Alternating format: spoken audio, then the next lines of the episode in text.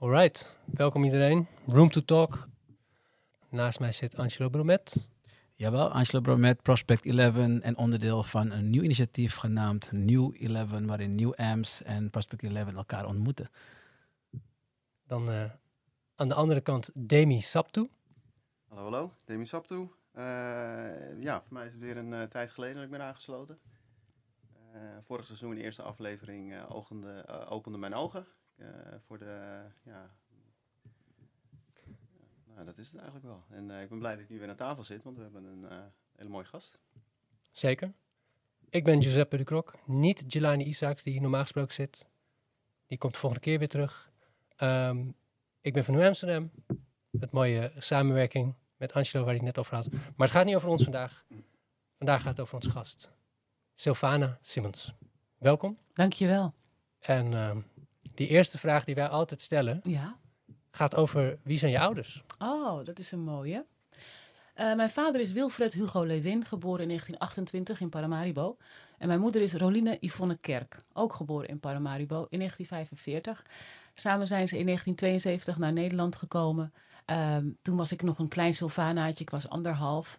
En uh, nou ja, sindsdien uh, wonen wij hier. ik ben enig kind van mijn ouders, maar ze hebben nog meer kinderen. Mijn moeder heeft nog een zoon, dus ik heb nog een broer. Uh, maar ik heb ook nog van vaders kant 15 andere broers en zussen. Dus ik ben de jongste van 16 kinderen van mijn vader. Wow. De jongste van de twee kinderen van mijn moeder. Maar enig kind van mijn ouders samen. Tof. Dat is een binnenkomer, hè? Dat is wel een... Uh, ja. Die hebben we niet zo vaak nee. gehoord hier. Nee. en als ik vraag mag, uh, wat deden je ouders? Mijn vader was boekhouder bij een grote verzekeraar, de Europese. En mijn moeder werkte bij IBM. Daar begon ze toen ze in Nederland aankwamen uh, in de fabriek. Maar uiteindelijk, uh, dankzij de goede zorgen van Amerikaanse bedrijven... die altijd zorgen dat hun mensen ja. opleidingen kunnen volgen en dergelijke... is ze uiteindelijk geëindigd in, op kantoor. En dat had toen zeker toch nog veel meer aanzien. Dus um, ja, dat is wat ze deden voor een living. Tof. Oh. En um, wie is Sylvana dan? Oh, if only I knew, hè?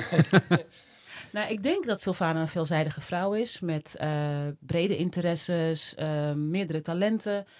Uh, erg, erg extravert. de meeste mensen die mij kennen, kennen mij. als je mensen tegenkomt die mij van vroeger nog kennen, die kennen mij als een wild child. Um, een levensgenieter. Um, moeder natuurlijk. Moeder van twee prachtige kinderen. Een zoon van uh, bijna 29 en een dochter van 24. Uh, en die laatste heeft mij nog het prachtige cadeau van een kleinkind gegeven. Wow. Dus uh, dat is op dit moment de grote liefde in mijn leven. Ja, ja. En zij is al bijna één. ja, wie ben ik nog meer? Ik vind het eigenlijk best moeilijk om mezelf te omschrijven. Omdat ik zelf wel eens denk...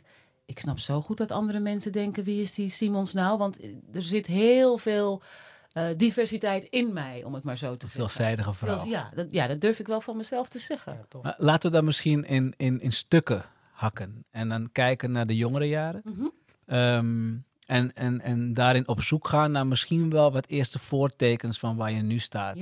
Ja. Um, dus dan praten we even over de basisschooljaren. Ja. Uh, hoe was je?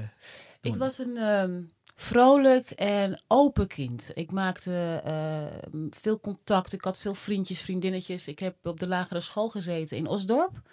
Uh, daar heb ik gewoond tot, een jaar of, tot ik een jaar of tien, elf was. En uh, als ik aan mijn jonge jeugd denk, dan, dan, dan denk ik aan een hele gelukkige en toch ook wel simpele tijd. Um, ik zat laatst toevallig foto's te kijken uit die tijd. En ja, ik was wel echt een heel vrolijk kind, denk ik. Um, sociaal, dat ben ik altijd geweest, ja. Okay, en staat daar al een kleine politica in, no in een notendop in, of was dat nog niet? Nou, als je het aan mijn ouders vraagt, denk ik dat ze ja zullen zeggen. Omdat ik altijd al was van het... Er zijn twee dingen die ik van jongs af aan deed. Ik liep mijn ouders achterna. En je had vroeger, oma verteld, platenspelers. En dan had je zo'n soort van filter... Uh, het was een... Ja, wat was het nou? Een stikje of zo? Ja. Met filter op om die platen schoon te maken. Ja. Maar dat gebruikte de kleine Sylvana als haar microfoon om mijn ouders de hele dag te interviewen. Die zeiden echt, mijn moeder zei op een gegeven moment, meisje, Schuif, ik word gek van je. Eh, want ik liep de hele dag achter haar aan om vragen te stellen. En dat deed ik ook eh, bij vreemden. Dus ik was zo'n kind dat de bus instapte. En dan ging ik de buschauffeur interviewen. Vindt u het leuk om buschauffeur te zijn? Hoe hard mag u dan rijden? Nou ja, allemaal dat soort dingen. Ehm, maar ik was dus wel altijd van het waarom, hoezo. Dat, eh, dat herkennen mijn ouders wel eh, toen al, ja. En dan komen we op de middelbare school. Dat is de grote verandering bij de meeste kinderen. Mij ook. Dan, dan, dan gebeurt er zoveel in je, in je lichaam en in je hoofd. Eh, wie was je toen? Nou, toen woonden wij inmiddels in Horen. Daar heb ik vanaf mijn tiende, elfde dus ongeveer gewoond. Daar ging ik ook naar de brugklas. En ehm, je kunt wel stellen dat ik zo'n kind was dat jij net omschrijft. Er veranderde alles. Ik was niet langer eh, vrolijk, lief en onschuldig, maar gewoon obstinaat, opstandig, eh, rebellious. Ehm, en ik denk dat, dat ik wel kan zeggen dat in die tijd mijn nou ja, activisme is een groot woord, maar dat het daar wel begonnen is. Want ik weet nog dat ehm, dat was de tijd dat wij met z'n allen streden. Kijk, Nelson Mandela zat nog vast. Ehm, eh, we streden voor de zeehondjes tegen de neutronenbom. Het was, het was natuurlijk, dat waren inmiddels de jaren 80, want ik ben een kind van 71. Dus ehm, er was ook onrust, sociale onrust, economische onrust. Het waren zware tijden. En ik denk dat, dat ja, daar, daar, daar zie je de eerste voortekenen van, oh, zij, eh, zij wil zich ergens mee bemoeien. Zeker. En de omgeving zelf, Osdorp, Hoorn.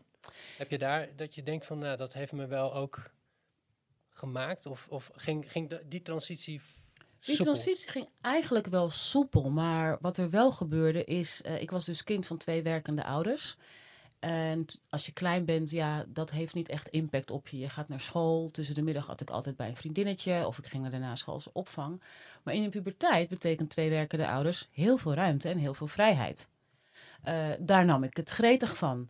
Dus eh, het is in die periode dat ik begon. Oh ja, moet ik er ook nog qua context bij vertellen. Ik zat al van jongs af aan op de vooropleiding van Lucia Martas, de balletacademie.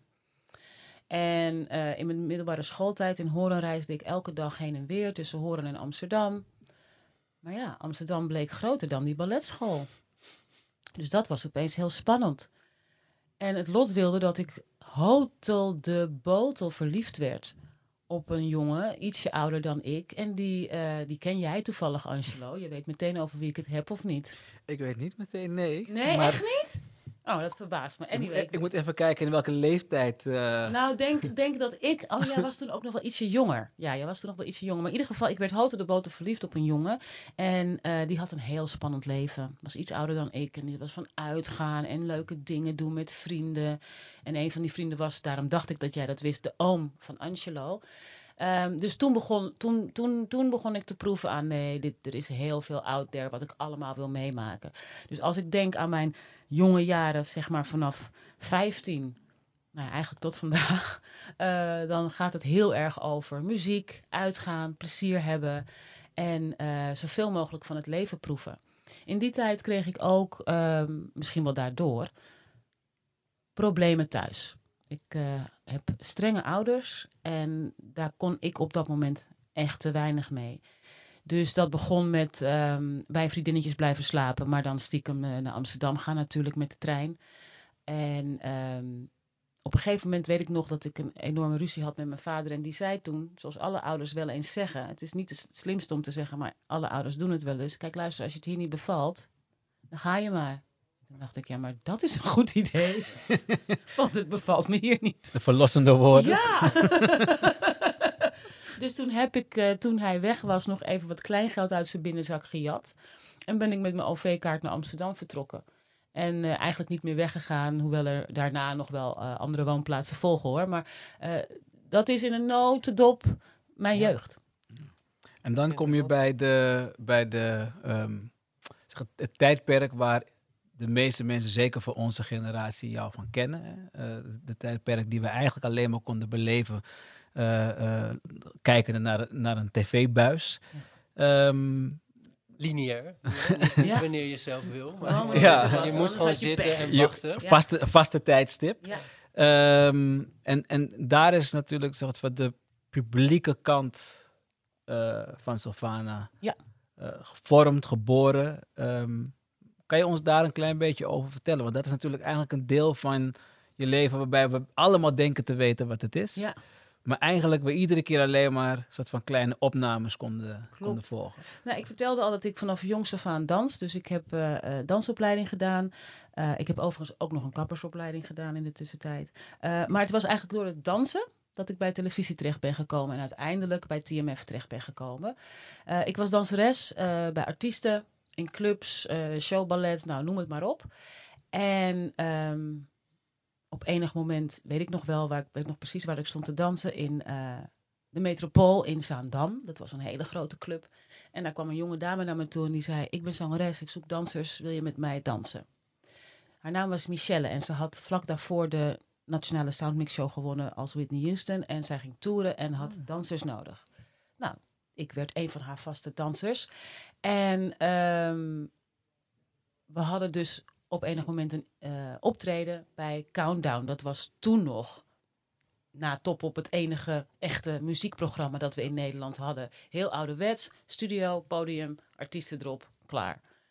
Wij traden op bij uh, Countdown. Ik was inmiddels overigens zwanger van mijn eerste kind. Dat kon je nog niet echt zien, behalve aan de bovenkant.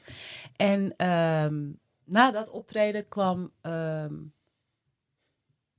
kwam er, uh, ik weet niet of het Lex Harding was of Bart de Graaf die toen nog leefde, naar onze manager toe en zei, zou zij niet, die, die danseres op de achtergrond, die trekt veel meer aandacht dan die, nou dat mag ik niet zo zeggen, maar in ieder geval, ik trok nogal aandacht, mm. gewoon door mijn verschijning en of ik niet een screen, uh, screentest wilde doen. Die hebben we gedaan en uh, vervolgens begon het lange wachten, want ik hoorde maar niks en ik hoorde maar niks en ik hoorde maar niks en ik wilde zo graag en ik hoorde maar niks. Tot een aantal jaar later werd ik weer gebeld. Hallo, met de secretaresse van Lex Harding. We gaan een nieuw tv-station beginnen. Je bandje, het, het videootje met jou erop circuleert hier nog ergens rond. We hebben het bekeken. Wil je langskomen? Je moet weten dat ik toen nog een ontzettend Amsterdams accent had. Dus ik ging uh, naar de auditie en uh, ik zag het filmpje laatst terug en ik deed auditie en ik zei: Hallo, mijn naam is Stefana ik ben ergens in de twintig, ik weet niet meer hoe oud ik toen was. En uh, nou, het lijkt me heel leuk om dus hier uh, ja, een beetje clipjes aan te kondigen en zo. dat was echt mijn, uh, mijn auditie. En kort daarop ben ik aangenomen en vanaf dag één onderdeel geweest van wat een heel, nou, toch wel revolutionair project was. Want tot die tijd, we hadden toen net commerciële televisie in de vorm van RTL Veronique. Ja. Oh ja. Daar was die eerste auditie eigenlijk voor geweest. En uh, dit was helemaal nieuw. Doelgroeptelevisie voor jongeren. Uh, en alleen maar muziek. Mijn baas Lex Harding vroeg aan mij: Nou, uh, als je hier mag komen werken, wat wil je dan gaan doen? Ik zei: Ja, it's gotta be black music, RB. Dat was toen helemaal niet mainstream. Dat hoorde je nooit op de radio. Nergens. Dat luisterden wij via de Piraat. of we draaiden het zelf. Eh, de, we gingen naar speciale clubs om daar naar te kunnen luisteren en daarop te kunnen dansen. Dus ik dacht, nou, dit ga ik mainstream maken. En zo geschiedde. Uh, ik kreeg uh, de bijnaam de Dutch, Dutch Queen of R&B Soul, geloof ja, ja. ik, zoiets. Dutch Queen of R&B. En introduceerde dus deze muziekstijl in Nederland. elke vrijdag en zaterdagavond, ik meen van 10 tot 12 uh, Sylvana Soul. En daar, daar bleven mensen voor thuis. En daar staken mensen de kaarsjes voor aan. En daar mocht ik uh, allerlei grote sterren interviewen. Dat vond ik zo leuk, omdat ik... Ja, ik hield echt van de muziek en uh, luisterde er al mijn hele leven naar.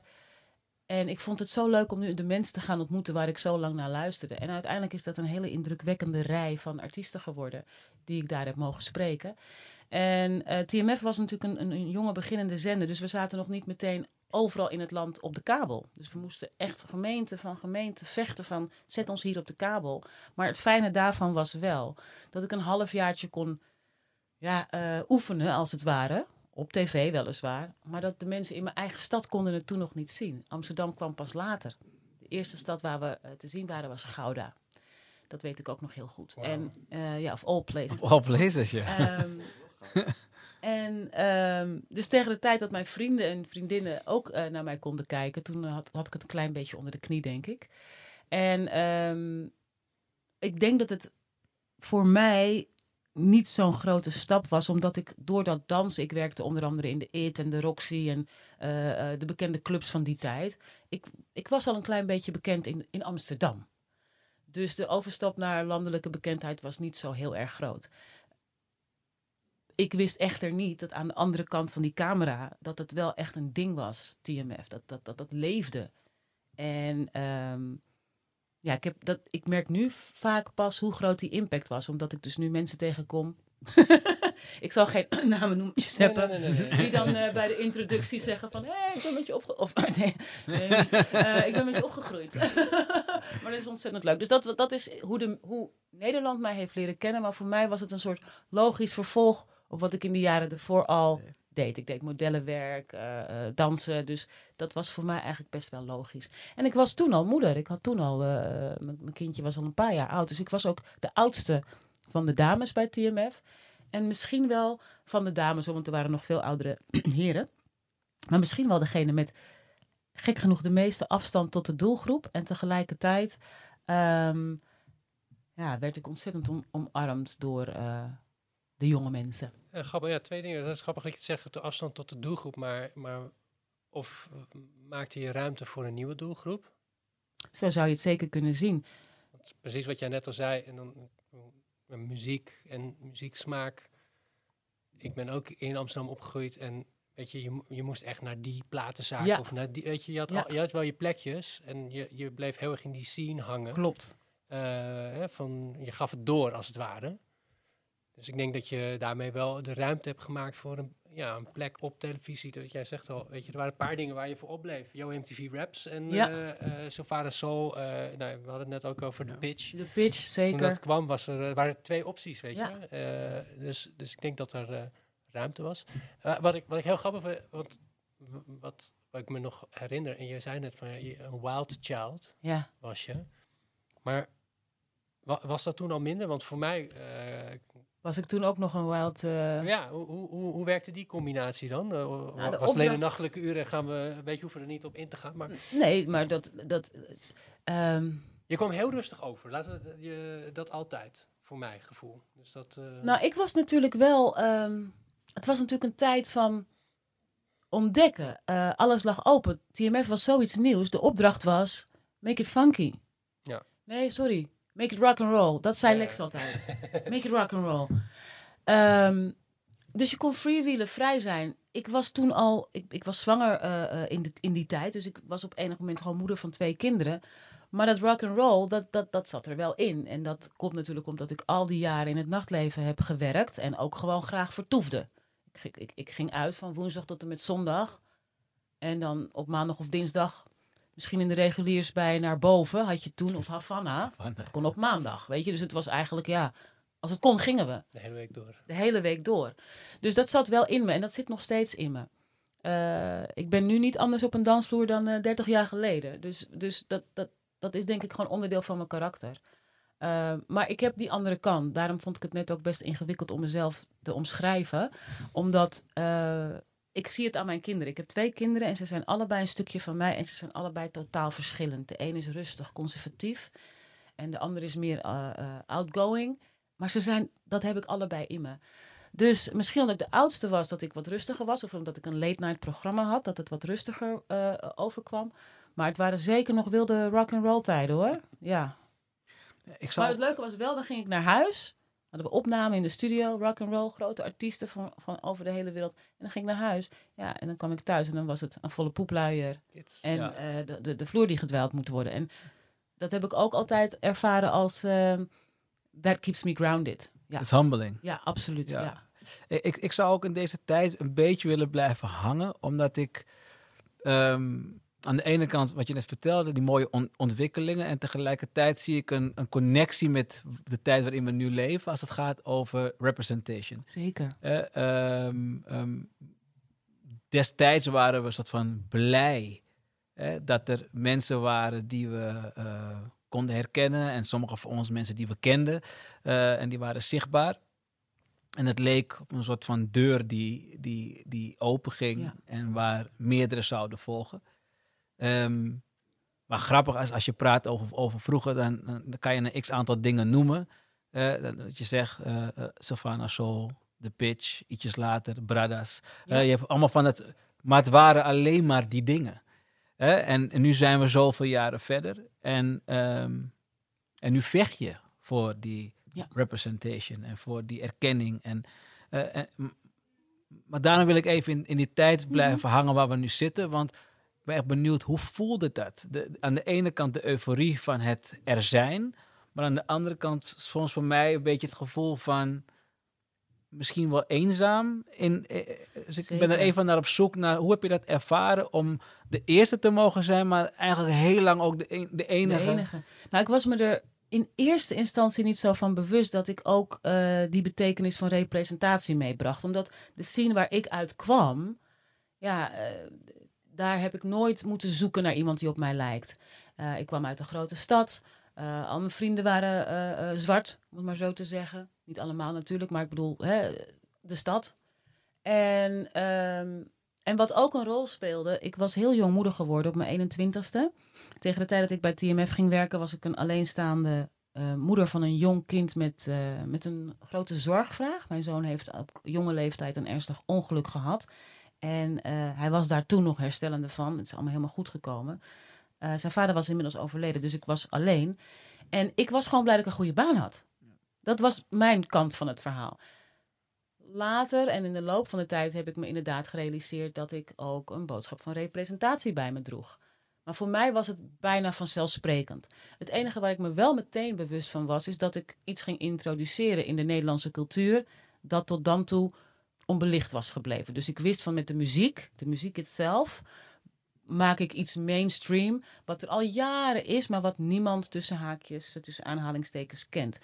Maar dat, die representatie, daar heb ik me gewoon heel lang, heb ik daar helemaal niet bij stilgestaan, omdat ik was wel ineens zat ik in een hele witte scene, dat wel. Want ik bedoel, ik werkte bij TMF. I was the only one. Het was ook niet zo dat we daar allemaal zeven dagen in de week zaten. Je kwam elkaar ook nauwelijks tegen. Dus Klees kwam ik ook bij wijze van spreken niet tegen. Maar ik heb me niet gerealiseerd de betekenis die ik had voor mensen aan de andere kant van het scherm. En onlangs kreeg ik een eh, brief van iemand, of ik ontmoette iemand, dat weet ik niet meer. En die zei tegen mij: You were the first black. Dat was iemand die uit het buitenland in Nederland was komen wonen. En die zei dus: eh, Jij was de eerste zwarte persoon die ik op televisie überhaupt in dit land zag. En het was alsof ik. Nou, die was zo dankbaar. En dat besef kwam bij mij dus veel later. Eh, ik heb wel onlangs in een interview gezegd, wat ik toen met de muziek deed, dat doe ik nu ook met mijn politiek. Ik haal de deken van iets af wat tot dan toe hè, daaronder verstopt was. En ik wil dat algemeen maken, niet zozeer mainstream. Ik heb ook hele gemengde gevoelens gehad toen mijn muziek eenmaal mainstream werd. Dat vond ik echt heel ingewikkeld. Eh, het gaat mij niet om het populair maken, maar wel om het bekend maken. Het laten kennis maken met. En ehm, in dat opzicht zie ik heel veel overeenkomsten tussen die tijd en deze tijd. Zeker ook als je het hebt over die eenzaamheid. De enige zijn. Ik heb bij TMF altijd, ook toen ik daar wegging, heb ik zelf audities gehouden voor jonge zwarte meisjes zoals ik zelf. Omdat ik vond, ik heb zelf mijn opvolging geregeld. Uiteindelijk is het toch iemand anders geworden. Maar ik was me er wel altijd heel erg van bewust. Maar dat was dus na vijf jaar toen ik daar wegging. Ehm, en ik denk zeker dat ik deuren heb geopend. Niet alleen op de televisie, maar bijvoorbeeld... Er zou geen Nederlandse zwarte muziek zien zijn zonder dat programma. 100%, zeker, ja. Dat durf ik te stellen. Het is, het is natuurlijk ook van, je hebt op een gegeven moment was je eh, ehm, in eerste instantie gevoelsmatig onze Sylvana. Ja. Vervolgens was je iedereen zijn Sylvana. Eh, ehm, en, en dat is ook waarschijnlijk de, waar, waar, waar een soort van kern van mijn, van mijn vraag ook wel vandaan komt. Weet je, van het moment dat je de Sylvana bent van iedereen, dan is er aan de ene kant een soort van, ah ja, gewoon Sylvana zo, soort erbij. En aan de andere kant leeft er soms bij eh, de zwarte gemeenschap een bepaald eh, me kwijt. verlangen van, hé, hey, wacht even, maar je toch, je bent Nou, het, ook een beetje voor ons. Ja, en wat dat, wat dat nog een extra dimensie gaf, is dat ik ehm, zo ontzettend een product van dit land ben. Dat eh, ik ook in het begin vaak commentaar kreeg van ja, maar hoe zwart ben je eigenlijk? Ja. Want je praat niet zwart, je gedraagt je niet zwart. En mensen zagen mij alleen maar in een witte context. Ik ben zo verbaasd. Ik had gisteren een interview en daar kwam die vraag dus weer: hoe zwart ben je eigenlijk? En ik begreep het gewoon niet. Maar daarna dacht ik, ja, de mensen hebben mij jarenlang in die witte context gezien. En die weten dus niet, wat jij bijvoorbeeld wel weet, Mhm. Where I'm really from, wie mijn vrienden zijn, eh, met wie ik hang en wat me, weet je wel, wat, wie ik ben. Ja. Ik vind wat je net zei, vind ik eh, voor iemand die, die ook nog wel gewoon kent, eh, is voor mij misschien wel het mooiste wat je gezegd hebt. Is dat is eigenlijk dat je in de veronderstelling was dat met het neerzetten van een, pers- van een persoon, hè, dat dat een beetje jouw soort van silent activism was. Eh, ehm, maar helaas weten we ook met z'n allen dat als er ondervertegenwoordiging is, dan, dan moet je en de silent activist zijn en, en het volk verwacht dat je ook op allerlei andere manieren eh, ehm, op, met, met de vuist op, op tafel Nou, slaat. en ik weigerde dat in die tijd Ja. zelfs bewust. Ik werd heel vaak gevraagd over allerlei, eh, we noemden het toen nog urban issues. ja. En dan weigerde ik dat. Want ik wilde niet die spokesperson zijn. Want wat ik nu zeg en wat ik toen ook al zei, ik was ook heel erg bang. Het was een enorme verantwoordelijkheid en ik was bang dat ik de maatstaf zou worden. En dat wilde ik dus niet. Dus ik zei, ik kan niet voor een hele gemeenschap Ja. spreken. Het werd me heel vaak gevraagd. Maar het lastige daarvan was weer dat de gemeenschap dacht, waarom spreek jij nooit voor ons? Mhm. ja, maar dat zijn van die dingen, het is van, zoals je in het Engels zeggen, you damned if you do you damned if you don't. En ehm, dat merk ik nu ook nog hoor, want ik zit nu natuurlijk midden in een campagneperiode. En ehm, hoewel ik het bewust heb gedaan, merk ik dus dat, het, dat ik daarmee ook ehm, ja, mensen bewust heb teleurgesteld. Ook al was dat dan weer niet mijn bedoeling. Maar er was echt zo van, ja, maar waarom, jij bent toch namens ons. Ik moest alles namens, ik, zal, ik, kwam, ik liep een keer in de Amsterdamse Poort in die tijd. En ik zal nooit vergeten, er kwam een Surinaamse dame naar me toe. En die zei tegen mij, en in die tijd droeg ik altijd enorm veel lipgloss. En die dame die zei, ja, eventjes, ik, eh, je kent me niet, maar ik moet toch wat tegen je zeggen. Ja, je hebt altijd zoveel lipgloss op, dat moet je niet doen hoor. I was like, what? Ze zegt, ja, want dan lijken je lippen zo groot. En dan denkt iedereen dat we hele grote lippen hebben. En dat was echt zo'n moment dat ik dacht, als ik, dan denkt iedereen dat, huh? Maar zo werkt dat. Ja. En dat, dat je dus op dat soort momenten, daar, zo kwam ik er steeds meer achter van, oké, er wordt echt naar mij gekeken. Wat draag ik, wat doe ik, wat zeg ik? Zolang wij niet binnen zijn, ben jij wij. Maar dat, en, nou, maar dat, en dat is natuurlijk, oei, daar zeg je wat, hé. Ehm, nou, dat is bijna de tragiek. Ja. En het was voor mij eigenlijk, ik vind dat ik het redelijk goed gedaan heb, maar het was eigenlijk een opdracht die je helemaal niet goed kunt vervullen. Eh, De reden waarom ik ook die kant op wilde gaan was eigenlijk omdat eh, met z'n allen, dat doen wij ook in de samenwerking van New Amsterdam Prospect 11, dat doe jij ook in, jouw in, in jouw werk, zijn we allemaal aan het pleiten voor ehm, meer diversiteit, meer inclusie, vooral op werkvloeren, eh, kansen creëren. Ehm, en aan de ene kant, ja, natuurlijk ben ik een, een, een, een zware advocate daarvoor.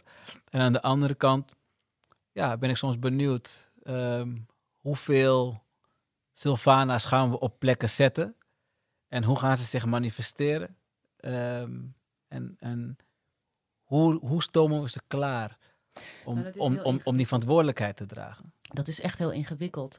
Ik heb vanaf het begin dat ik in de positie was, eh, altijd geprobeerd mijn team divers te maken. Alles wat ik zelf binnen kon brengen, eh, daar, ja, daar probeerde ik dan invloed op uit te oefenen. En maar dat was natuurlijk hartstikke moeilijk, want weet je, zeker de entertainment waar ik dan vandaan kom, daar wordt naar gekeken ehm, met adoratie en it's picture perfect. Ik heb nooit macht gehad in de mediawereld. Maar iedereen dacht van wel, want ja, je zit er middenin, je spreekt al die mensen. Dus eh, er waren hele hoge verwachtingen die op mij afkwamen. Kan je dit niet regelen? Kan je dat niet doen? Waarom doe je zus niet? Waarom doe je zo niet? Ik was ook maar een radertje, een product in het geheel. Maar de verwachtingen waren torenhoog. En hoe ik ook geprobeerd heb om mijn mensen mee te nemen, dat is gewoon niet gelukt. Eh, zoals je zegt, één Sylvana is niet genoeg. Maar de opdracht aan die ene Sylvana, en dat is de ene keer is het Sylvana, de andere keer is het van mij Patrick of, of ik weet niet wie, eh, is een opdracht waar je bijna niet aan kunt voldoen. Je kunt niet in je eentje eh, een hele bevolkingsgroep verheffen. Helemaal niet omdat er zoveel diversiteit binnen die bevolkingsgroep is. Eh, wat we missen daarin, waarom, wat het nou lastig maakt, is dat het, dat het werk dat jij en ik doen, is niet geïnstitutionaliseerd. Dat doen wij omdat we het belangrijk vinden. Soms vrijwillig, from the kindness of your heart. Je kunt het vormgeven in projecten. Maar we hebben niet een geschiedenis van bepaald soort onderwijs, bepaald soort economische eh, geschiedenis of eh, economische kennis. Of... En dat allemaal in een context waarin je eigenlijk niet eens aanspraak mag maken op je omgeving. Niets hier is van ons. Ja. Dus ehm, dat heb ik wel altijd als heel moeilijk gevonden. Dat, ik vond het niet lastig om de enige te zijn. En als ik heel nog eerlijker ben, heeft me dat ook vaak goed gedaan. It's, it's, it's nice to be special. And it's easy to impress people als de verwachtingen laag zijn. Dus ik heb er ook voordeel aan gehad. Maar ik heb me zeker eh, eenzaam gevoeld. En als ik heel eerlijk ben, dat klinkt heel onbescheiden, maar ik heb geen last van valse bescheidenheid. Er is nog steeds geen nieuwe Sylvana in de media. Ja. Nog steeds niet. We zien meer kleur. Maar zo uitgesproken met zo'n duidelijk profiel als ik, dat is er nog steeds niet. Heeft dat te maken met dat uh, degenen die het voor het zeggen hebben dat niet herkennen? Of heeft het te maken met iets anders? Of niet willen. Kan ook. Ja. Dat zou je ook kunnen zeggen. Want wat je zegt, ik, als, je, als je kijkt, dan zie ik... Ik had in de vorige meeting had ik er ook met... Um, toen hadden we Aquasi hier. Ja, en Gianni. En Gianni. Omzwart. En toen zei... En vond ik heel grappig. Aquasi zei van, toen ik, toen ik kleine Aquasi zag geen Aquasi op televisie. En het enige wat ik op dat moment aan hem vroeg, maar wat ziet kleine Aquasi nu? Want jij hebt wel echt een Ja. hele belangrijke stem. Dus je, je, jij bent daar. Ja. Ja, Ben je daarvan bewust dat je die ook hebt en, en kan je die gebruiken? En ik vind het mooi, want jij vertelt het nu. Jij had dat toen al. Ja, ja. ja en ik, ik werd me daar steeds meer bewust van. En ik denk niet dat het zozeer eh, bewuste onwil is. Maar de waarde wordt niet herkend op basis. Kijk, in Nederland zijn we natuurlijk hartstikke kleurenblind. Tja. En dat is lekker makkelijk. Want het is die kleurenblindheid die het makkelijk maakt om te zeggen: ja, ik zie geen kleur, dus eh, ik kan net zo goed een blond meisje neerzetten. Precies. Dus het is niet, denk ik, bewust. Integendeel denk ik dat er echt wel krachten zijn, of dat nou in de entertainment is of andere plekken in het bedrijfsleven, die de meerwaarde zien. Maar je moet daar wel binnenkomen. Ik bedoel, ik heb natuurlijk ook, los van, van alles, de mazzel gehad dat ik ergens op een blok stond te dansen midden in de nacht en dat iemand zei van, hey, eh, vind je het niet leuk om een keer langs te komen en een praatje te houden? Dat is natuurlijk ook eh, gewoon een beetje, een beetje mazzel. Toeval. Toeval. Ja. En ehm, Ja, ja. Of, of ja, toeval, right place, maar hard werken om daar te komen. Ik bedoel, het zijn natuurlijk Het al gaat die allemaal hand in hand. Ja. Ja. dat klopt. Maar je moet wel daar zijn. En wat ik merk, mijn opdracht tot emancipatie is altijd tweeledig geweest. Want ik heb altijd, ik, ik, vanaf het begin dat ik bekend werd, ben ik gaan coachen. Vooral jonge meiden. Eh, ik had zelf op jonge leeftijd al heel veel meegemaakt. En ik wilde, ik wilde dat delen en nou ja, meisjes empoweren. En mijn opdracht is altijd tweeledig geweest. Want ehm, de ontvangende kant moet emanciperen en zorgen dat ze open gaat en ruimte maakt. Maar bij jezelf ligt nog een veel grotere opdracht.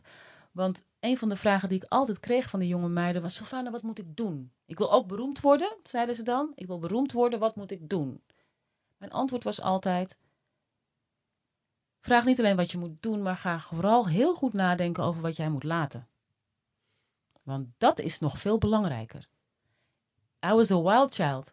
Maar ik was nooit zo eh, naïef om een avond voor een auditie of een avond voor een belangrijke opname eh, tot zes uur in de club te blijven. Terwijl de club was my home. Maar ik wist, ik moet ook dingen laten om succesvol te zijn. En dan zei ik ook, ambieer nooit beroemd worden. Iedereen kan beroemd worden. Beroemd worden is echt niet moeilijk. Word ergens heel goed in. Zorg dat mensen niet om je heen kunnen en word daar dan beroemd mee.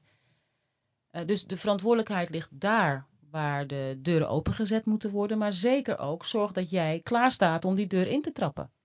Om die deur te openen en gewoon voor mij op je gemakje naar binnen te wandelen. En dat laatste is natuurlijk wel heel moeilijk. Ik zeg wel eens, als mijn ouders toen zij hier aankwamen niet in Amsterdam-West waren gaan wonen, niet in Osdorp, maar in Zuidoost, had ik een heel ander leven gehad. Ik heb echt de mazzel gehad dat ik steeds in een omgeving zat waar ik de kansen kon zien. Dat ze in de buurt waren van Osdorp naar Horen. Daar woonden vier zwarte gezinnen. Als wij een feestje gaven en de mensen konden ons adres niet vinden en ze belden naar huis en zei mijn vader, geen probleem. Hou de eerste de beste persoon die je tegenkomt aan en zeg dat je moet zijn bij die zwarte man met die Jaguar. En vijf minuten later stonden mensen dan bij ons voor de deur. Ja. Dus ik heb daar ook wel wat mazzel in gehad. En dat heeft mij, ehm, mij ook geholpen om, ja, om die kansen dan ook te grijpen op het moment dat ze er waren. Dus mijn opdracht is ook, zorg dat je bubbel groot genoeg is. Dat je in de buurt bent als die deur op parkeer staat. En wie alleen maar in de eigen omgeving blijft hangen, ja, zo verbreed je je horizon gewoon niet. Ehm, en dat is een lastige opdracht eigenlijk aan de jongeren die we willen bereiken. Ja. Want die kennen de veiligheid van hun peers, hun eh, buurtje, eh, hun familie, eh, hun scene, of dat nou muziek is of sport of whatever. En ja, die, dat, dat, dat trek je niet zomaar open, want dat is veilig. Ja, ik wil net zeggen, wat ik, je, noemt veilig. En volgens mij, zeg maar, sign of the times. Het woord tegenwoordig is safe space. Ja. Alles moet een safe space zijn. Ja. Maar volgens mij voor ontwikkeling heb je, Moet je, hè, moet je juist uit moet je volgens mij naar buiten stappen. Ja. Je hebt het net over generaties. Ik, eh, als oudere mag het zeggen, volgens mij is dat best wel een probleem met, met de nieuwe generaties. Eh, ook als je politiek kijkt. Ja. Hè, dat, eh, eh, ik- vind ook, dat vind ik ook wel grappig. Ik had het gevoel, als we ook weer teruggaan in die tijd, hè, begin jaren negentig. En dat is ook eenzijdig perspectief. Hè, maar volgens mij, zeker in Amsterdam en omsteden, wat je zegt, je herkende het. Diversiteit was volgens mij een given Ja, of zoiets. Het Ja. voelde zo. het voelde hè. zo. Dus laten we weten echt wel dat eh, in eh, Hilversum Ander en de verhaal. rest, dat het allemaal niet zo was. Maar in onze bubbel Ja. was die diversiteit er. En die diversiteit zorgde voor een, een onveilig gevoel ook. En dat bedoel ik op een positieve manier, een Mhm. veilig gevoel. Ik moest eigenlijk aftasten wie jij was. Ik moest aftasten wie jij was. En op een gegeven moment... Ik zie het altijd zo, is dat je... Als je op een gegeven moment door die, door die common ground van... Je ziet hetzelfde uit als elkaar, daar voorbij komt... Dan heb je die volgende common ground. En die is vaak muziek of sport. Hè, dat soort dingen. En dan is... eh, nee man, dat, je bent cool. Safe, ja. Je hoort het ook wel eens vaker. eh, ik moet altijd denken aan, eh, aan Nasser Dintjar, die, die zei het ook. Die is ook ergens in een stad, niet in de grote stad, zeg maar, opgevoed. En was een van die weinige Ja, niet-Nederlandse jongens, weet je. En, ja, maar jij bent gewoon nas. precies. Want is- je voetbalt met ons en dat, dat, er is ook een soort van En je bent niet bedreigend, want we weten waar je woont. We kennen je. Ja, weet, je, wel? Ja. goed, weet je. Maar op het moment dat, dat, dat die groepen... Daarom, daarom vind ik het goed om safe space, zeker. Je moet altijd een veilige Ja, haven hebben. Precies. Maar je moet ook gewoon naar buiten gaan. break out. En ik moet jou ontmoeten, ik moet jou ontmoeten. En, en die barrières moeten doorbroken worden. En Ja. daar- dat denk ik ook als ik hoor wat je zegt. Hè. Je, bent, je had misschien een, een plek waar everybody looks alike. Maar ja, is ook geen onderscheid. Dus eh, wat gebeurt daar of zoiets? Volgens mij kan je heel vaak beter in een ja, niet veilige of veilig. Hè, Nou ja, buiten, buiten je bubbel, buiten, Buiten je je box, bubbel. buiten wat je kent. Ik denk dat, dat, dat, dat je daar sowieso het meeste leert. Het is natuurlijk altijd wel eng. Het eng, maar er ontstaat ook iets. Maar de dat is denk ik de beste plek voor iets om te ontstaan. En die safe space is fijn als je daar, wanneer je dat nodig vindt, weer in terug kunt vallen. Want dat heb ik altijd gehad. Ik heb altijd close inner circle van vrienden gehad. eh, die niets met werk te maken hadden. eh, waar ik weer in terug kon vallen. Maar al mijn avonturen lagen daar ver buiten. Dat klopt, ja. laten we dat dan ook eventjes onder de loep nemen. Want ehm, wat is die onveilige wereld hè, waar jij naar refereert, die ook best wel. Die- het is een onveilige wereld die je kan confronteren en die confrontaties brengen je dichter bij jezelf. Ik denk dat we het, dat, dat een beetje is wat je, wat, je zou kunnen schetsen. Maar je, je, waar we voor pleiten is toch dat we die deuren willen openen en dat we jongeren in die wereld willen, willen krijgen. En wat heb je eigenlijk geleerd van die, die andere wereld? Wat, wat, welke wijsheden eh, eh, eh, kan je nu delen met mensen van hoe, hoe jezelf daarin te manifesteren? Oh, ik denk dat dat best wel veel is. Eh, wat mij heel erg heeft geholpen, ik zei niet voor niets net, hè, toen ik daar ging werken had een ontzettend Amsterdamse accent. Ik weet niet hoe ik er vanaf ben gekomen, want ik heb geen ehm, spraakles of zo genomen. Maar ik vermoed dat ik wel steeds meer de taal van die omgeving ben gaan spreken. En ehm, ik geloof heel erg dat je de taal moet spreken van degene die je probeert te bereiken. Anders verstaan ze je simpelweg niet. Dus om me staande te houden in een bepaalde omgeving, eh, is het inderdaad goed om, om de mores te leren. En mores is zoiets als de gebruiken. Dat, wat is normaal, wat is gewoon. Hmm. Ehm, dus dat begint inderdaad met, met kleine dingen. Wat ik geleerd heb, is dat je je macht en kracht in stelling moet brengen. Zelf. Je moet zorgen dat er iemand is die jou uh, backup geeft. Ja. Hè, dat je, je, je, je kan het niet alleen. Ik heb het ook niet alleen gedaan. Ik heb twintig jaar lang dezelfde manager gehad. Een hele lieve man. Die, uh, uh, die mijn backup was. En je hebt, je hebt. Iedereen heeft een buddy nodig. Niet een kruiwagen, want ik, ik heb geen kruiwagen gehad, maar wel buddies. Die mij zeiden, hè, mijn manager zei dan, luister, die en die en die is morgen jarig, neem een bosje bloemen mee.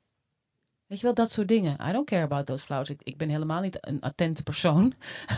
maar het is wel goed om te weten van, oh ja, dan en dan moet ik dat doen. Uh, iets simpels als op tijd komen.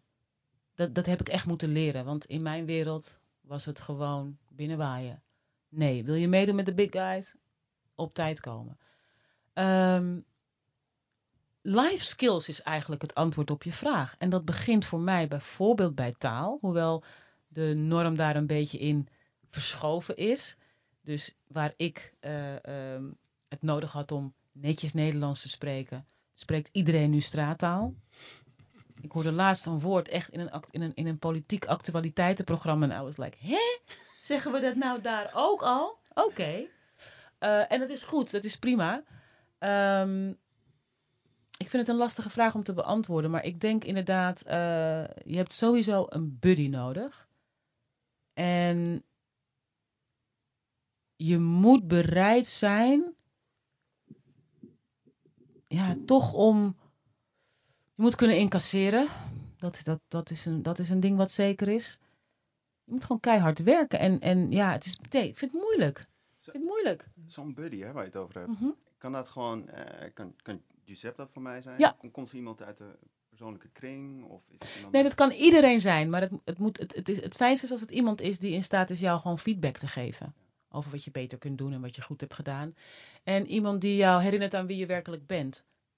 Want het moment dat je in zo'n zo'n omgeving terechtkomt, dat zie je dus ook bij jonge voetballers. Het is zo overweldigend. Ineens heb je vrijheid, je hebt geld, je krijgt een auto, en je hebt aanzien, beroemd worden, bekend worden. Uh, dat is een gevaarlijke drug. Dus je hebt iemand nodig die jou erbij houdt en die met je meedenkt. Omdat jij uitvoerend bent, heb je ook iemand nodig die het grote plaatje kan zien. Uh, niet bang zijn om uh, advies te vragen, om te investeren in je carrière. Om je manager te betalen, zodat die goed voor jou aan de slag gaat en je ook kunt zeggen: Oh, je hebt het niet goed gedaan. There's no money this month. Um, ik denk dat het iedereen kan zijn die in staat is om met jou te spiegelen. Ja. En, en, ik kom steeds terug bij het woord eenzaamheid dat eerder in het gesprek viel. Ik heb me niet gerealiseerd hoe eenzaam het was tot ik er niet meer in zat. Omdat er altijd, ik liet altijd een stukje van mezelf thuis als ik naar mijn werk ging. En dat is overigens ook het grote verschil met vandaag. Vandaag kan ik helemaal vrij mijn ding doen. Mooi. Ja, je zegt daar iets. Um, dat je een stukje van jezelf thuis laat. Kun je, kun je, daar, kun je daar iets over vertellen? Kijk, um, uh, Jelani bijvoorbeeld, die, uh, die er nu niet bij is helaas. Die, uh, ik weet niet of dit hetzelfde is. Hè, Mm -hmm. dus, hij zei in, in, een eerdere podcast had hij het over dat, dat, die 70, dat mensen 70% van Jelani krijgen. Die andere 30, 30% dan bijt hij op zijn lip. Is hij niet, is hij niet helemaal eerlijk? Ja. Of, weet je, ik was heel benieuwd hoe jij, hoe jij daarmee omgaat. Ik herken, dat, ik herken dat uit die tijd. Kijk, nu kan ik als partijleider van mijn eigen partij en als lijsttrekker en vanuit mijn politieke boodschap eigenlijk veel vrijer spreken dan ooit. Dat klinkt heel gek, want iedereen zegt ja, maar nu krijg je allemaal ellende. Um, maar in die tijd, kijk wat je thuis laat, En wat ik altijd heb thuisgelaten, vanaf de lagere school eigenlijk al, ehm, is het antwoord op de vooroordelen. Dat laat je thuis. Dus ik wil niet zeggen dat ik mezelf verlogende, maar ik kon ook niet per se begrip verwachten voor gebruiken en interesses en nou, dat wat mijn leven inhield binnen, binnen die omgeving van RTL 4, snap je? Ja. Dus ik ging naar mijn werk, ik deed mijn ding en ik ging weer naar huis. En mijn haar is een goed voorbeeld. Ik, ehm, ik solliciteerde op een gegeven moment na TMF, eh, kreeg ik een programma aangeboden van SBS. Nou, een programma gedaan en dan hoort daar een contract bij, contractonderhandelingen. En ik zat met die programmadirecteur en die zei tegen me, ja, nog twee dingen. Nee, het begon al bij TMF. Toen ik bij TMF solliciteerde, toen zei mijn baas, eh, nog even wat, dat haar, ik had toen de tijd heel kort blond haar, geblondeerd haar. Dat haar, dat moet dus twee jaar zo blijven. Ik zei, dat kan niet. Dat kan niet. Jij weet, Angelo, hoeveel kapsels ik daarvoor al had gehad. The expression is needed.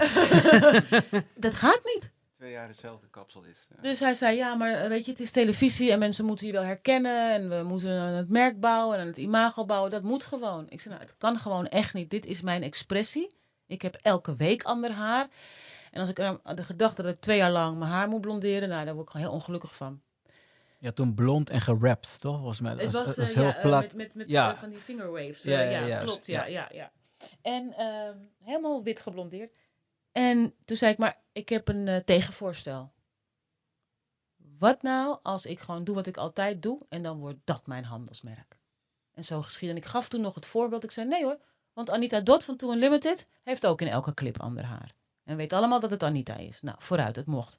En inderdaad, zo werd het mijn handelsmerk. Ehm, ja, jaren later bij SBS sprak ik weer een programmadirecteur. Nou, contract, voorwaarden, dit en dat. Oh ja, had hij één voorwaarde. Of ik even kon tekenen eh, en beloven dat ik niet net zo dik zou worden als die Oprah. Want blijkbaar worden Really? wij... Ja, hij maakt geen grap. Blijkbaar worden wij, ik denk zwarte vrouwen, altijd opeens uit het niets heel dik. Natuurlijk zei ik daar ook van. Ik zei, luister, ik ga nooit dik worden. Want als ik er had moeten worden, was ik het al, dan was ik het al geweest. Ik heb twee kinderen gekregen. Maar ik ga dit ook niet tekenen. En ik, ik geef die voorbeelden om aan te geven dat dat, dat is gewoon dat is de basis van waar je dan in terechtkomt. Terwijl ik dan, en, en jij vraagt omdat ze het niet weten, hij wist niet dat het onderdeel is van mijn cultuur om elke maand een ander kapsel te hebben. Elk zwart meisje zit één keer in de maand op de grond tussen de benen van de vader of de moeder. En dan wordt de haar gevlochten. En dat zit niet twee keer achter elkaar hetzelfde. En de ene keer heb je. Gisteren had ik toevallig nog zulk lang haar. Nu zien jullie mij hier met een afro. Maar het is niet omdat ik. Niet alleen omdat ik een ijdeltuit ben. Ook omdat ik een ijdeltuit ben. Maar niet alleen. Dat is mijn cultuur. Ja, en dat kan je niet. Ik heb ook niet altijd zin gehad om dat soort dingen uit te leggen. Ja, maar het is mijn cultuur. Dus eh, ja, je komt in een omgeving waar je continu moet zoeken. Wat voor mij mag hier zijn? Waar moet ik genoegen meenemen? Want ik kon heel stoer zeggen, nou, mijn haar, dat doe ik niet. En ik ga ook niet iets ondertekenen eh, over mijn gewicht. Maar aan een hoop andere dingen heb ik me natuurlijk wel gewoon moeten conformeren. Ja. Dat, dat hoort erbij. Nu wil ik een sprong maken. Kan je ons meenemen naar de week voor de keus Hm. om de politiek in te gaan? Ja. Dus gewoon, we zitten in die week en je kijkt eigenlijk terug een aantal dagen of weken eh, in het verleden. Eh, we hebben nu een soort van aanloop gekregen. We weten een beetje dat die, die, die beetje wilde Sylvana eh, eh, getemd is door ook gewoon het hebben van kinderen en het ook hebben van een besef. En op een gegeven moment eh, fases heeft gehad van, van ik ben er en ik mag genieten daar waar ik ben. Maar ook de bewustzijn van hey, weet je, ik ben er niet zomaar en ik moet weten dat ik het niet moet vergooien. Ehm, meer voor zichzelf opkomen, meer uitspreken. Is ook weer daar, hè, is er een moment geweest, die, die hebben we kunnen volgen. Want, eh, ja, helaas of gelukkig hebben wij jouw leven voor Ja, een groot deel kunnen, kunnen, kunnen volgen. Maar nu wil ik eigenlijk gewoon het moment dat jij die keus maakt om de politiek in te gaan, terugkijken op die weken daarvoor. Hoe ging dat? Wie belde je? Wie sprak je? Ehm, Ik heb dat gedaan zoals ik eigenlijk alles doe. Ik had intussen uh, uh, niet meer deze manager. Ik werkte nog wel uh, in de media en als dagvoorzitter. En ik was dus inderdaad tafeldame bij de Wereld Door. Dus reguliere tafeldame. Nou, we hebben allemaal dat moment, dat weet iedereen. Simek tegenover mij. Wat zeg jij nou? Oké. Wat er na die uitzending met Simek gebeurde, dat was het moment waarop ik dacht: nee, maar nu ben ik er klaar mee. Dus het moment dat de hele, zo voelde het althans, het hele land. Kijk, in die jaren had ik een positie eh, ver, ver, verworven van, nou, ik was bekend. Ik had heel veel verschillende programma's gedaan. Ik was enigszins populair. Um, van waarde voor programmabazen en zo.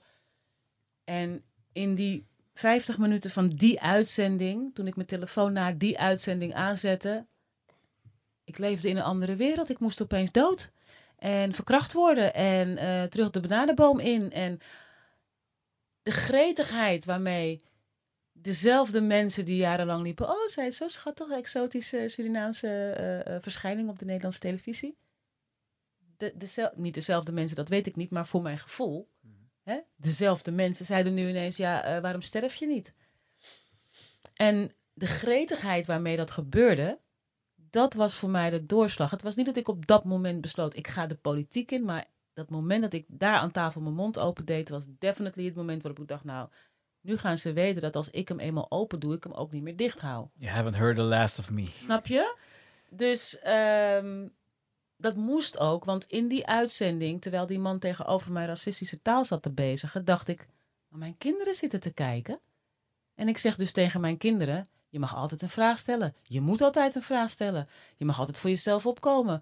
Uh, uh, uh, laat niemand je over je heen walsen. En, en, zeker je moeder niet. Dus ik moest dat.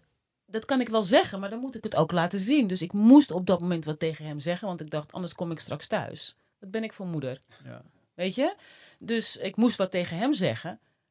Maar het was ook het moment dat. Kijk, ik had 25 jaar daar omheen gewalst, hè? Het is niet dat ik nog nooit een racistische opmerking had gehoord in heel mijn leven. Die heb ik op de kleuterschool gehoord, op de lagere school gehoord, op de middelbare school gehoord, in de danswereld gehoord, in de kappenwereld gehoord. Ik bedoel, die heb ik, die is, dat is overal. En ook bij TMF heb ik die gehoord. Ik heb onlangs gedeeld dat toen ik mijn laatste dag had bij TMF, toen zei de programmadirecteur, bij wijze van grapje natuurlijk. Nou, dat is mooi, dan zijn we tenminste ook van die apenmuziek af. Dus ik weet heus wel hoe mensen werkelijk denken. Ja. Maar de mate waarop en dat het zo erg was na die uitzending, dat heeft het proces in gang gezet. En ik was ook nooit de politiek in gegaan als ik niet was uitgenodigd. Want ik had nooit gedacht dat het wat voor mij was. Dat was niet jouw eerste. Het was niet mijn eerste gedachte. Mijn eerste gedachte was, ik was wel heel erg aan het zoeken naar een vorm. En ik dacht meer aan coaching en training, omdat dat was wat ik op dat moment uh, deed. Ik had op dat moment zelf een coachingsbedrijf. Um, daar was ik aan over aan het nadenken. Maar toen werd ik uitgenodigd. Ben ik over die uitnodigingen gaan nadenken. En toen dacht ik, ja, weet je, de stand van dit land is voor het grootste gedeelte bepaald door de politiek. Het zijn spindokters in Den Haag die woorden als kop voor de tax het land in, in, in smijten. Dat is heel bewust. Wilders doet niets toevallig, dat is heel bewust. Rutte doet niets toevallig, dat is heel bewust. Ik heb een geprivilegeerd leven gehad in die zin dat daar waar mijn ouders het goed hadden, had ik het goed. En ik heb echt een moeilijke tijd gehad in de jonge jaren toen ik uh, een beetje dwaalde.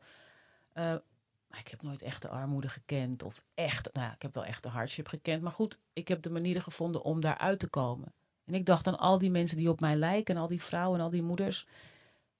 Ik dacht, nou, ik, ik, ik, ik, ik, ik moet hier gewoon wat mee. Dus toen ben ik de politiek ingegaan.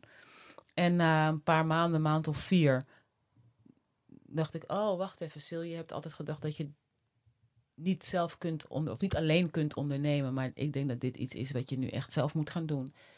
En in december van hetzelfde jaar, ik ben in 2016 voor het eerst in mijn leven lid geworden van een politieke partij in mei. Mhm. Een jaar na dat incident aan die tafel. En het eind van 2016 uh, eh, mijn eigen partij opgericht. En heb je daarvoor wat mensen uit je omgeving bij elkaar geroepen? Nee, en... Zo werk ik niet. Nee, niet zo'n niet zo'n zo'n zo'n woonkamer-sessie? Raad, nee, nee. Nee, ik heb het gewoon gedaan. Um, ik wist dat veel mensen het niet zo. Ik wist dat ik het wilde doen, dat was het belangrijkste. Maar zo ben ik überhaupt. Toen ik ging trouwen, heb ik het ook tegen niemand gezegd. Eh, mijn kinderen die vragen elke dag, eh, hoe, hoe ziet jouw leven er vandaag eigenlijk uit? Wat ga je doen? Zo leef ik. Dus ik heb voor mezelf daar letterlijk drie weken over nagedacht. Drie lange weken. Eh, ik heb wel met een paar vriendinnen dat besproken, maar echt één of twee. En ik zei ook tegen ze, ik wil niet van jullie horen of ik het moet doen. Ik wil van jullie horen hoe ik het moet doen. Want ik had al besloten dat ik het ging doen. Uh, there was no way back. Nee, er was no way back. En op dat moment moet ik ook zeggen dat ik in een emotie zat. Nu ik weer een paar jaar verder ben, denk ik, wauw. I was disappointed, ik was teleurgesteld, ik was boos, ik was verdrietig, ik was strijdvaardig. En dat heeft alles bij elkaar heeft me daartoe geleid. Het was geen onbezonnen besluit, maar het was wel een emotioneel besluit.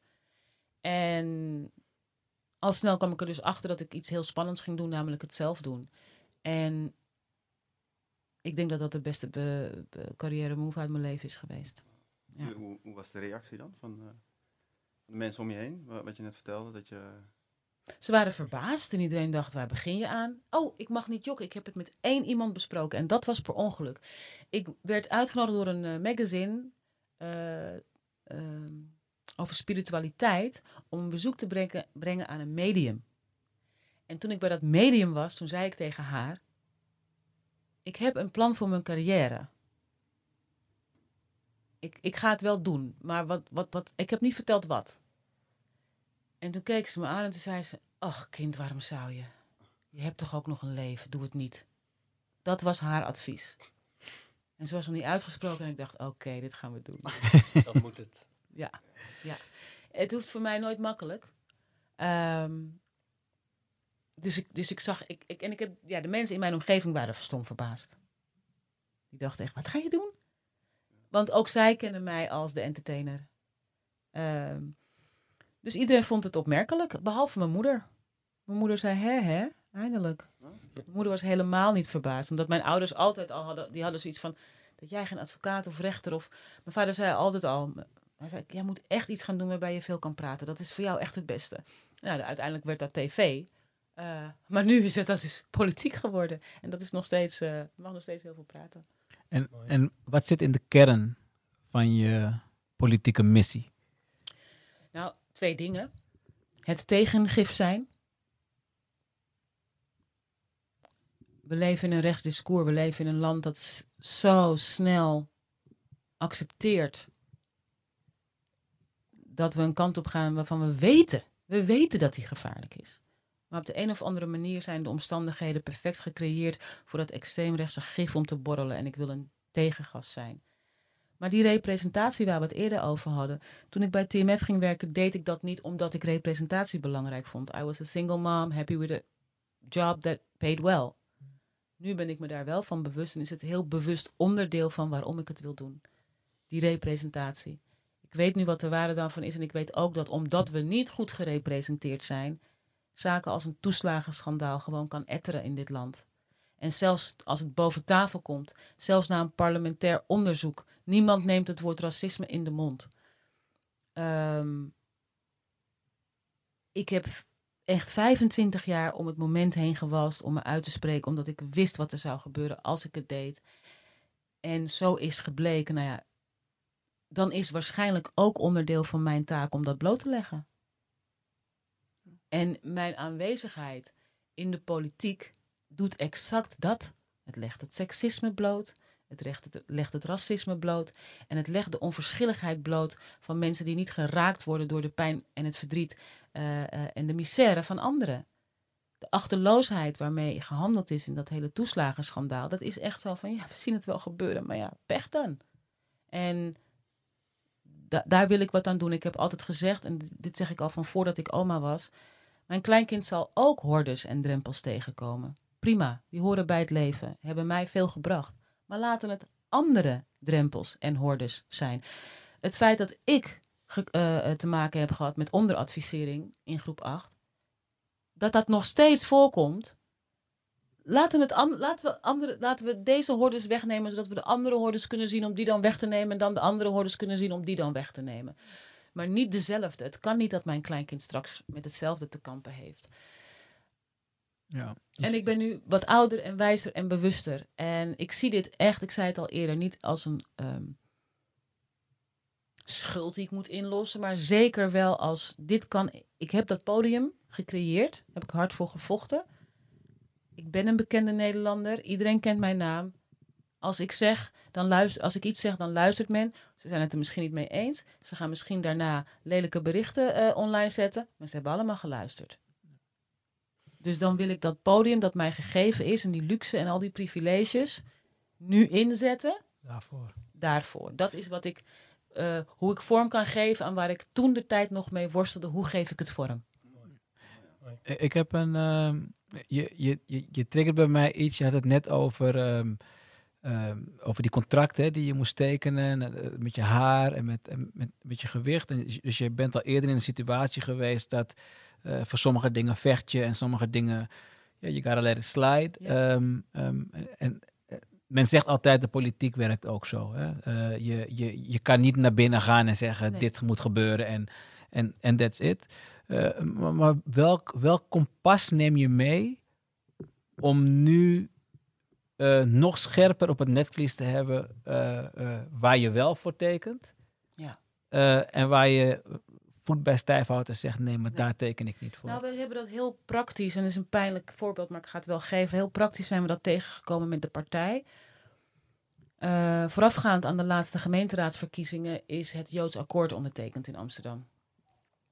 Eh, dat akkoord ehm, stelt zichzelf ten doel om eh, ervoor te zorgen dat Joodse mensen in Amsterdam veilig zijn, dat ze ve- veilig hun geloof kunnen beleiden, dat we hard optreden tegen antisemitisme en al wat nodig is. Daar sta ik helemaal achter. Toch hebben wij het akkoord niet getekend. En geloof me, als je in dit land een, een, een Joods akkoord niet tekent, dan you put yourself on the spot. We hebben het niet gedaan, omdat de definitie die gebruikt wordt in dat akkoord, ehm, die beperkt de mogelijkheden om kritiek te hebben op de politiek van de staat Israël. Alle partijen hebben het getekend. En ik weet dat ze het allemaal hebben getekend because it looks good. Wij hebben het niet getekend en tot, tot op de dag van vandaag wordt ons antisemitisme verweten. Terwijl die definitie die gebruikt wordt wereldwijd eh, erkend wordt als niet, niet oké. Dus, we, dus we doen niks geks. Maar we doen ook niet met de hele meute mee om dan maar het imago op te wekken van kijk eens, we doen het goede. Dus het kompas is altijd het morele kompas. En dat leggen we over elke vraag die we, die we, die we krijgen. En ehm, dat betekent in Amsterdam dat we inderdaad wel eens niet hebben meegetekend terwijl de hele raad vol was. En wij zeiden nee, het gaat niet ver genoeg. Of nee, fijn dat die mensen geholpen worden, maar dat betekent dat die mensen achterblijven. Dus dat is een continue afweging. Wie raakt het? Wie moet de prijs hiervoor betalen? Eh, is het eerlijk? Is het rechtvaardig? Eh, kan ik. Mijn, mijn vraag de hele dag is: kan ik hier vanavond mee naar bed? Dat is altijd mijn vraag de hele dag. En dat gesprek heb ik ook elke avond met mezelf. Elke avond sta ik voor de spiegel en zeg ik: Sylvana, was je je beste zelf vandaag? Waarom ging je zo tekeer tegen die vrouw bij de bakker? Je was helemaal niet boos op haar. Er zat iets, iets anders onder. Ehm, goh, wat heb, je wat heb je dat goed gedaan vandaag? Nou, dat mag je morgen beter doen. Eh, maar ik ga ook wel eens in dat gesprek terug in de tijd. Maar ik neem elke dag een moment om dat kompas te eiken. Daar komt het eigenlijk op neer. En zo doen we dat ook in de politiek. En dat, wij maken het onszelf daar niet makkelijk mee. Want ik krijg echt bedreigingen van mensen die zeggen: Ja, jullie zijn antisemieten. Nee, dat zijn we niet. Maar we laten ons niet voor de buitenwereld, voor het mooie plaatje in een positie drukken. Dus altijd voet bij stuk houden. Ja, je gaat niet voor de populariteitsprijs dan. In Absoluut niet. Nee, absoluut niet. We gaan voor de prijs van rechtvaardigheid en gelijkwaardigheid. En dan ook, ook in de politiek zijn we eenzaam. Ja. Ja, ook daar hebben we weer een plek van pff, hè, eh, eh, controverse, onbegrepen. nou ja, noem het allemaal maar op. Dat geeft niet. Ik denk dat dat voor mij persoonlijk en voor ons de goede plek is. Maar mooi. Ehm, we zitten een beetje, denk ik, aan het einde. We kunnen volgens mij nog heel lang doorpraten. Ik kan sowieso altijd dagenlang achter elkaar doorpraten. Dus dat, ik, wil eh, de- jullie, ik heb jullie de helft nog niet verteld. Misschien komt er een part 2 over een week of wat, misschien? Nou, dat zou wel na- leuk na- zijn. we hebben peilingen iets om op terug te kijken, ja. Ehm, Ik zou nog, e- we, we geven altijd nog even de ruimte. Is Normaal gesproken stel ik dus heel veel tegenvragen. Ik heb zoveel vragen voor jullie. Ik moet gewoon een keer terugkomen en dan ga dan ik draaien jullie... we het om. eh, maar ja. dan, dan gaan we, komen we naar jouw podcast. ja, leuk. Ehm, zijn er nog dingen die jij graag wilt bespreken? Is er nog iets dat je kwijt wil aan ons en aan de luisteraars? Nou, ik zou wel nog heel kort willen eh, aanstippen, want de vraag is mij gesteld. Ehm, maar eigenlijk zou ik heel kort, en ik, ik weet niet wie van jullie die vraag het beste kan antwoorden. Ik denk misschien jij, Angelo. Ehm, jullie moeten ook er- ergens de kracht vandaan halen, elke dag opnieuw. Om binnen de spanningsvelden in deze samenleving en zeker in deze stad, in de jeugd te blijven investeren. Dat is, dat is ook soms eenzaam. Dat is ook soms vechten tegen een bierkaai. Eh, wat drijft jou dan? Hoe houden jullie het vol? Want Angelo, ik weet niet hoe lang jij al in de, nou noem het even, outreach eh, zit. Maar dat moet je toch ook maar vol kunnen houden? Ja, ehm, even kijken. Hoe beantwoord ik dit? Kijk, ik ben opgegroeid eh, op de eerste rij van alles wat geweldig was in mijn tijd. Dus dan Ja. praat ik over ehm, eh, Weile John Weidebos was, kwam bij mij over de vloer. Ik leerde jou kennen al toen ik 16 was. Eh Sugarcane kwam bij mij binnen. Rapte samen met mijn broer. Ehm, eh, Karel Leidsman was mijn oom en die, of is mijn oom en die designde voor eh, Made in the Shade. Dus, dus ik, ik, ben, ik ben privileged om te weten hoe geweldig je kan zijn als mens en voldaan als je doet waarvoor je op aarde Ja. bent. En, ehm, eh, en in het werk wat ik doe, heb ik het eigenlijk ook altijd alleen maar over die mensen. Over die mensen die eh, ehm, in mijn ogen mij hebben bewezen dat het, dat het niet makkelijk is, maar dat het wel de moeite waard is om te strijden voor iets.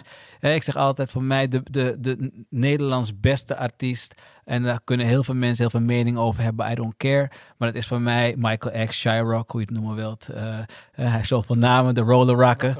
Eh, en, en, en, en, en het, maar het is niet. ehm, Hij is niet de meest het is niet, het is niet de, bekendste, ja. het is niet, is, hij is niet de rijkste. Ja. Maar eh, de impact die hij op mij gemaakt heeft. Als, als jonge jongen eh, in Paradiso met het Me- Metropolis Orkest optredende hip-hop Ja, met een orkest. Dus ik heb het allemaal gezien. Ik zeg altijd tegen de jongen: ik heb jou eerder gezien, Mooi. maar in mijn tijd. Mooi. En, en, maar ik heb ook gezien wat deze mensen om mij heen eh, droevig he- eh, heeft Ja. gemaakt.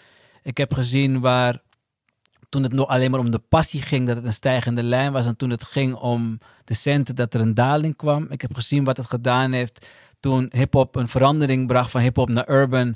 En, en mensen niet mee werden genomen en niet de erkenning kregen voor, voor, de, voor de stappen die ze al eerder gemaakt hebben. Eh, ik ken nog steeds mensen die anno 2021 nog steeds eh eh, verbaal zijn. Hè? van wij hebben toen dit en wij hebben toen dat. En, en ik heb het mijn levensmissie, omdat ik eigenlijk in die tijd, ik rapte niet, ik danste niet, ik zong niet. Ik was gewoon een, een jonge man met ideeën en ik had een winkel en ik had de eerste stap gemaakt in mijn omgeving van het echt ondernemerschap. Maar ik was geen één van die spotlight dingetjes. Ehm, en, en ik heb toen voor mezelf de missie uitgestippeld van ik ga op zoek naar de jonge versies van mensen Mooi, uit mijn tijd. En die ga ik behoeden. Gewoon behoeden. Gewoon zeggen van hé, hey, ik heb jou, niet jou, maar jou al een keer eerder deze stap zien maken. En dat bracht dit. En doe ermee wat je wilt. Maar neem het mee in je gedachten. En als het fout gaat, dan sta ik er ook naast, omdat ik weet. Toen het bij die fout ging, stond er niemand. Ja. Maar ik heb de kans om er wel te staan. Eh, ehm, maar het is altijd vanuit een gratitude naar de mensen die mij hebben gevormd. Ik ben, ik ben echt, ik zeg privileged. Ja, ik weet Eh, precies wat op, je bedoelt. op de eerste rij van alles. Gewoon. know, I was there. Ja, dus, dus voor mij is het. eh, en ik was heel jong met heel veel mensen die veel ouder dan mij waren. Ja. Dus, dus ik was ook nog eens soort van stil. Ik mocht er niet eens zijn Ja. eigenlijk. Weet je zo. Eh, eh, dus, dus dat is voor mij altijd een ding geweest. Ehm, en daarnaast, ik heb kinderen. En Ja. ik heb altijd gezegd, wat, eh, alles wat ik kan doen om de omgeving voor hun beter te maken, is prima. Dat doe ik gewoon. En, en omdat ik weet dat we in een samenleving zitten, kan ik het niet alleen maar doen geprojecteerd op hun. Ik moet ook om hun heen kijken. Dus ik heb heel veel dingen waar mensen mij van kennen, heb ik door de jaren heen ook gebouwd rondom mijn kinderen. Waardoor het nooit iets was waar ik te moe van kon worden. Omdat ik altijd een in- ingebedde eh, eigen reden had. Eh, dus mijn kinderen bewegen mee in, in wat ik doe. Eh, dus, dus daar heb ik altijd zoiets van, ah, als, als, als die er in ieder geval van leert, ja, dan is het cool. Dan kan niemand anders me teleurstellen, want, want je, je, je, je was mee. ja. Eh, en, eh, eh, dus dat is mijn, dat is mijn ding. En, en ja, weet je, ik Kijk, je lijn denk ik wel, wel stelen. Ik heb jou eerder gezien. Die ga ik wel van je stelen. Want dat is zo'n mooie, liefdevolle manier om iemand ehm, zorg te bieden, veiligheid te bieden en hulp te bieden. Ik denk dat heel veel jonge mensen daar eh, heel veel aan kunnen hebben. Dus met jouw permissie ga ik dat eh, zeker gebruiken. 100 procent. Ik eh, bedenk niks alleen voor mezelf. dus nee, zeker. Maar, maar dat is wel wat, wat voor mij de drijfveer is. is ehm, die zit een deel in de dankbaarheid en een deel in de teleurstelling. Ik voel jou. Ja, En, en, ja. en de teleurstelling is eigenlijk dat ik denk... Ik ben met zoveel geweldige mensen opgegroeid... maar ik kan op één hand tellen wie er nog steeds bezig is. ja. En eh, we leven nu in, ook nog in een tijd waarin we helaas een aantal ook hebben moeten verliezen. Eh, ehm, als ik denk aan Clyde, als ik denk aan DJ Precise, eh, in zo'n korte periode. En dat ik af en toe met Michael X, Bell, met Ricardo Wijngaarden van Fat Beats, Bell. En dat ik tegen, ook tegen ze zeg van, joh, weet je, de legacy is fading. En, en wat ik het mooiste vond, was ik altijd, ik kon over ze praten, maar ik had ook de gelegenheid om ook jongeren voor te stellen aan ze. Want dat heb ik altijd ook gedaan. Zoveel mogelijk geprobeerd om de verhalen die ik heb verteld, om die leven te geven. Zodat je niet alleen maar van mij hoort, maar dat je ook in ene gewoon oog om oog staat met een persoon die een bepaald pad heeft bewandeld, die jij nu ook aan het bewandelen bent. En dat je die vragen kan, kan, kan stellen. En, eh, en omdat die legacy waarin ik ben opgegroeid, die ik zo dierbaar heb, niet is vastgelegd. Dat wilde ik dus net zeggen. Eh, eh, weet je, dan begin ik wel een beetje soort van de warmte te voelen in mezelf. Dat ik denk van Angelo, hoe, hoe ga je dat doen? Het wordt een race te- tegen de klok. Want om alleen maar over zij te praten die er niet meer zijn, dat is niet waar ik, waar ik het voor doe. Wat ik belangrijk vind, is dat je twee zielsverwanten bij elkaar kan brengen. En dat de mensen die eh, zijn voorgegaan ook even kunnen ervaren hoe belangrijk ze eigenlijk zijn in het hier en nu. Nou, ik, ik wil even aanhaken op wat je zei over dat vastleggen. Want dat wilde ik eh, meteen zeggen. Ik denk dat dat voor mij ook een rol heeft gespeeld bij het kiezen voor de politiek. Ik ben een partij, een platform aan het bouwen. waar mijn kleinkind straks ook nog van kan profiteren Ja. als zij oud genoeg is. En alle jongeren waar jullie mee werken. En eh, die zijn er niet. Dat platform is gebouwd om er te zijn als ik er niet meer ben. Dus dat, dat, dat raakt mij dan in wat jij zegt. Hè? Ehm, ik denk dat veel van onze geschiedenis, en als ik zeg onze, dan bedoel ik wij kinderen van de jaren 80, 90 eh, eh, eh, Ja. in de stad. Ehm, ik heb zoveel gezien in deze stad in diezelfde jaren waar jij over spreekt. Ik moet ineens denken aan, en dat, aan de aidsgolf in onze stad eind 80, begin 90.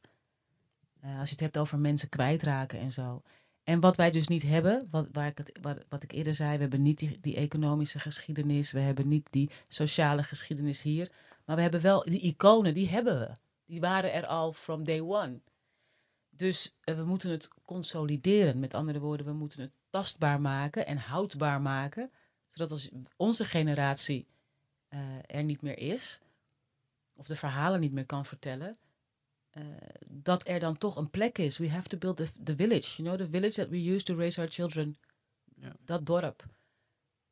En ik vind het heel knap wetende dat je, dat je er zo lang eh, ehm, gemotiveerd voor kunt blijven. Dat vind ik echt knap.